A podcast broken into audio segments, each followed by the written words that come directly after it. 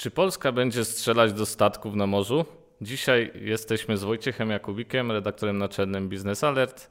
Ja nazywam się Jędrzej Stachura i porozmawiamy o infrastrukturze krytycznej, o jej bezpieczeństwie i o najnowszych doniesieniach Ministerstwa Obrony Narodowej oraz o tym, czego dowiedzieliśmy się od doktora Michała Piekarskiego z Wydziału Nauk Społecznych Uniwersytetu Wrocławskiego. Zapraszamy.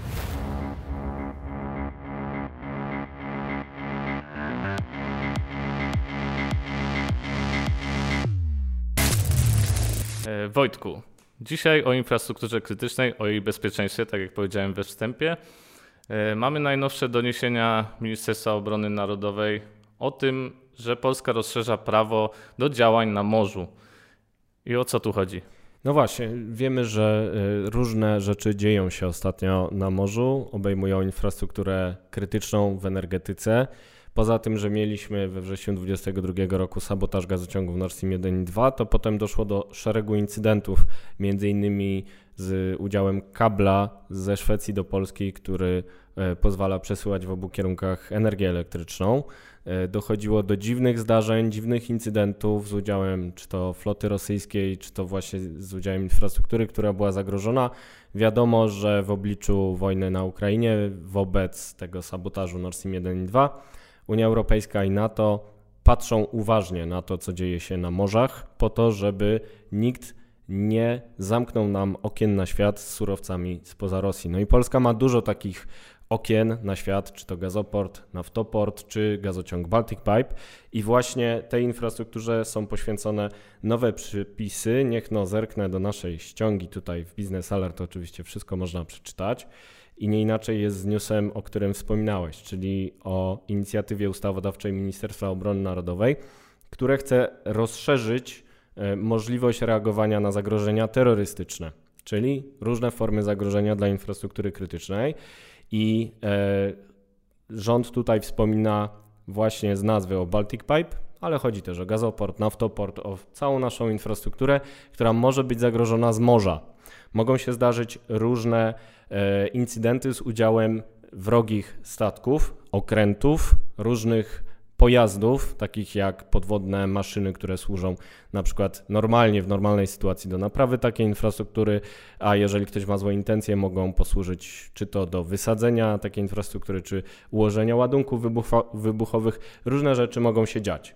No i nowe przepisy pozwolą ministrowi obrony narodowej już w ostateczności, kiedy będzie wiadomo, że jest zagrożenie, że dany statek, okręt, robot zagraża naszej infrastrukturze, minister obrony narodowej będzie mógł podjąć decyzję o zniszczeniu takiej jednostki, czyli odpowiadając na Twoje tytułowe pytanie, tak, Polska będzie mogła strzelać do statków, okrętów, robotów, czegokolwiek, co mógłby jakiś wrogi sąsiad, i Państwo pewnie się domyślają o kogo chodzi, może wysłać przeciwko nam, żeby zamknąć nam te okna na świat surowcami spoza Rosji. I te przepisy pozwolą e, ministrowi obrony narodowej podejmować taką decyzję w ramach operacji antyterrorystycznej.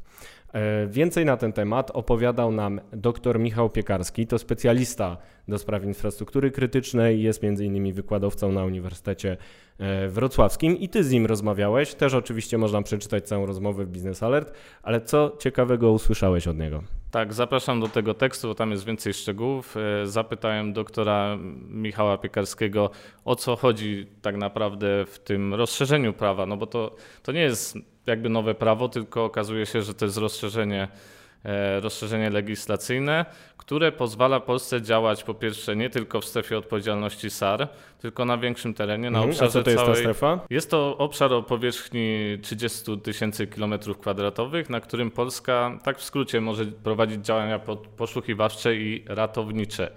Więc do tej pory y, prawo e, i ustawa antyterrorystyczna, która dotyczy obszarów morskich, tych, które należą do Polski, e, brała pod uwagę tylko ten obszar SAR, że na nim mogła Polska reagować na, ewentualnie, na ewentualne zagrożenie terrorystyczne, a teraz e, zostanie to rozszerzone do wyłącznej strefy ekonomicznej. Czyli dużo większego obszaru, całego tego obszaru, który jest pod naszą kontrolą. A jak w ogóle mamy stwierdzić, że dany statek okręt, robot stanowi zagrożenie? Właśnie o to też zapytałem e, pana doktora i on powiedział, że e, Polska potrzebuje przede wszystkim systemu dozoru podwodnego, bo o ile nad e, powierzchnią wody mamy wiele oczu, tak te podwodne sonary to jest coś, czego Polska potrzebuje. A nie ma. Mm, do tej pory nie ma takich informacji, przynajmniej oficjalnie, żebyśmy je posiadali. Być może Polacy to ukrywają, nie wiem w jakim celu, ale być może tak jest. Ze względów bezpieczeństwa. Być może, bo mamy niebezpieczne czasy. E, no i też jak stwierdzić, czy dany obiekt, czy podwodny, czy nawodny jest zagrożeniem. No tam w wywiadzie jest więcej, ale e, na pewno e, brak łączności z daną jednostką to jest oznaka, że coś jest nie tak. Gdy jednostka zmienia kurs na jakiś nieprzewidywalny nagle, to też jest sygnał dla służb, żeby reagować plus cały system właśnie dozoru, w tym sonary, które mogą być wysyłane samolotami i zrzucane do wody. Później to jest takie wstępne badanie pod, podwodne, powiedzmy. Później statek y, przypływa na dane miejsce i już załoga może badać, co się tam dzieje tak naprawdę na miejscu. No i też są podwodne sonary, które mogą być montowane na stałe, czyli tak, taka siatka sonarów, które wysyłają sygnał i zbierają sygnały E, żeby stwierdzić, co się dzieje pod wodą. No właśnie, więc nie chcemy być e, ślepi, chcemy pilnować naszej strategicznej infrastruktury energetycznej, bo wiele się może zdarzyć. Oczywiście miejmy nadzieję, że się nie zdarzy, ale przezorny zawsze ubezpieczony. Dlatego będziemy dla Państwa cały czas śledzić rozwój wypadków, jeśli chodzi o te przepisy, jeśli chodzi o inne zdarzenia na morzu, którym przyglądamy się od dawna. Polecamy też cykl energetyku Pilnuj Bałtyku. Pod tym hasłem, pod tym tagiem u nas na stronie można znaleźć wszelkie treści, takie jak wywiad właśnie z doktorem Piekarskim, czy też kolejne newsy e, w tej tematyce. I co? Na dzisiaj to chyba wszystko.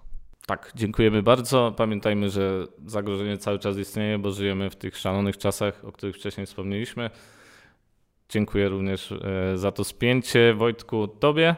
I sobie, I czyli sobie. Jędrzejowi Stachurze, którego teksty również polecam. I do zobaczenia Dziękuję już za tydzień. Bardzo. Dziękujemy, pozdrawiamy.